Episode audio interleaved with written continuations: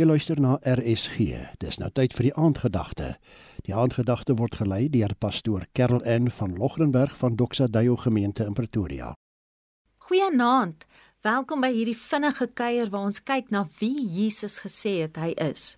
Ons leer nie net oor Jesus nie, maar ons leer ook by Jesus.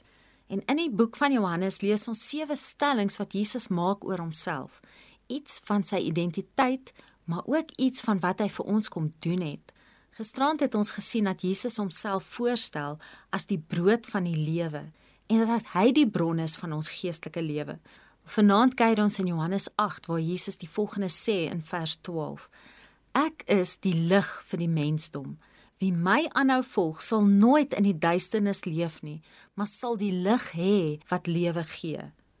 As jy die skepingsverhaal lees, was lig die heel eerste ding wat God geskep het en dit het skeiding tussen dag en nag gebring.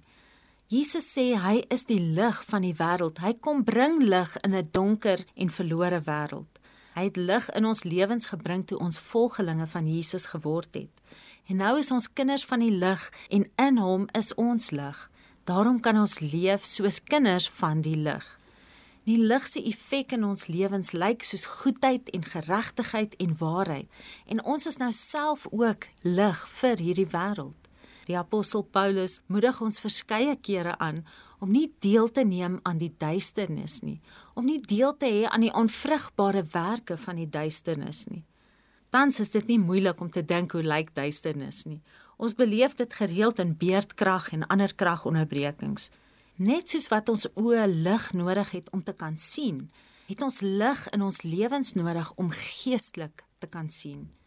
Jesus se lig kom skyn in ons harte in en verlig die oë van ons harte sodat ons kan sien in die geestelike realiteit. Sonder hom kan ons nie geestelik sien nie. Sy lig maak dit moontlik om sin te maak van ons lewe vanuit Jesus se perspektief.